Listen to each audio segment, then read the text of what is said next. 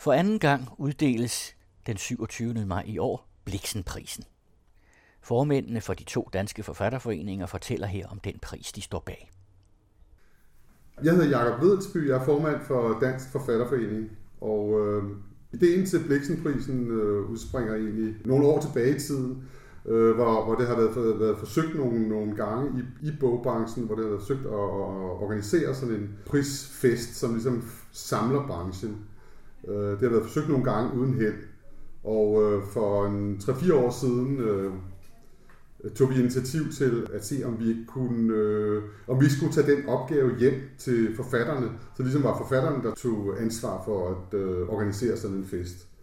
Og det øh, arbejdede vi så med et stykke tid i nært samarbejde med danske skønlitterære forfattere, den anden forfatterforening i Danmark og øh, nåede frem til et, et koncept, som vi så øh, lancerede sidste år i 2015, hvor vi havde premiere arrangementer. Ja, og som øh, forløb øh, rigtig godt. Jeg hedder Jan Tilke, og jeg er formand for Danske Skønlitterære Forfattere.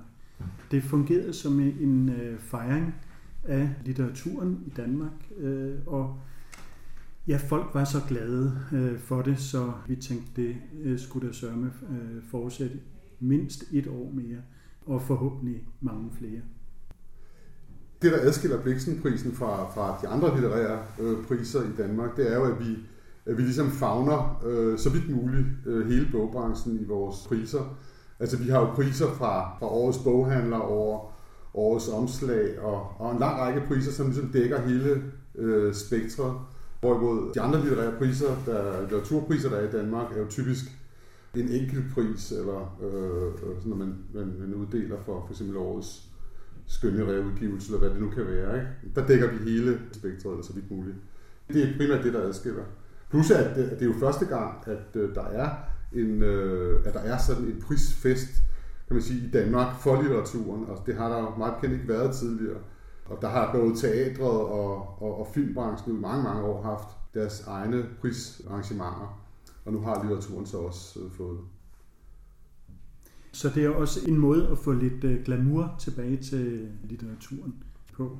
Så en lille Oscarfest til øh, litterater og andre øh, bogelskere. Vi vil jo gerne for eksempel have litteraturen ind i denne her sendeflade også.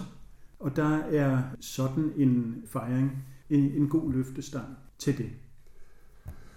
Jeg har også lyst til at sige, at, øh, altså, at bogbranchen i dag er en meget presset branche økonomisk. Altså, at, øh, men i virkeligheden så slås man lidt om, om, om smuglerne, havde jeg sagt. Altså, det er ikke en branche, hvor der er utrolig mange penge i.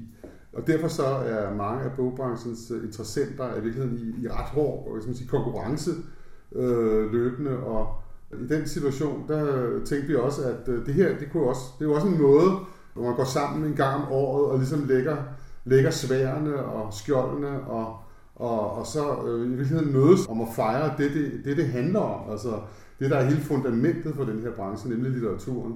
Og den har det med nogle gange at blive glemt. Altså det er jo det, vi oplever, både Jan og jeg, når vi er ude. Altså at øh, nogle gange så glemmer man, øh, hvad det egentlig er, der er fundamentet for det hele. Altså det er øh, de bøger, som, øh, som vi skriver, og vores medlemmer skriver. Øhm, og og det, den her fest er jo en fejring af, af bogen, og alt, hvad man sige, der er, ligger omkring bogen. Men også en øh, fejring af den store interesse, der er for litteratur. Husk på, hvordan halvdelen af Danmarks befolkning har en øh, bog liggende på natbordet. Altså, øh, litteraturen er jo et øh, medie, der er meget mere udbredt, end man nogle gange tænker på, og elsket på helt dagligdags øh, øh, vis. Så det er bare en årlig fejring af, af det, og af kremen af, af årets øh, bøger og øh, bogfolk.